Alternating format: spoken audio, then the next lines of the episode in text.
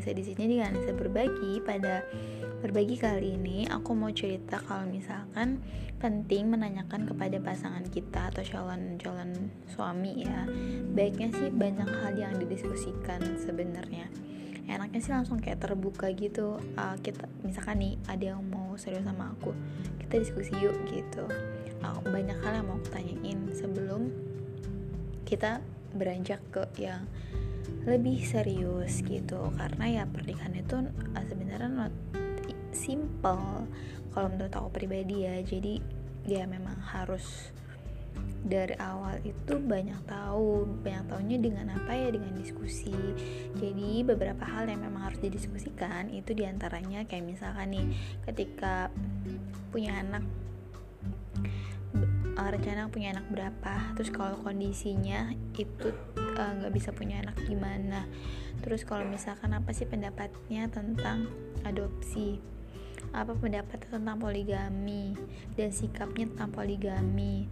Kemudian kenapa sih dia milih kita sebagai seorang orang wanita yang dipilihnya untuk menjadi seorang istri gitu. Kemudian juga ketika punya anak itu ada nggak sih harapan atau ekspektasi terhadap anak itu um, mau jadi apa gitu karena baiknya kalau menurut aku pribadi kita nggak bisa maksain anak itu mau di jurusan apa. Jadi ya udah setiap anak itu unik dengan keunikannya memiliki potensi positifnya yang banyaklah positif aspek yang anak itu punya. Jadi ya udah uh, yang penting itu kita fasilitasi untuk berkembang aja untuk berkembangnya ke bidang mana. Itu menurut aku sih lebih ke anaknya enjoy di mana kayak gitu terus uh, apalagi yang perlu diskusiin? Oh iya yang preferensi. Misalkan ketika punya anak nih ada nggak sih kayak dia tuh pengen uh, jenis kelamin tertentu?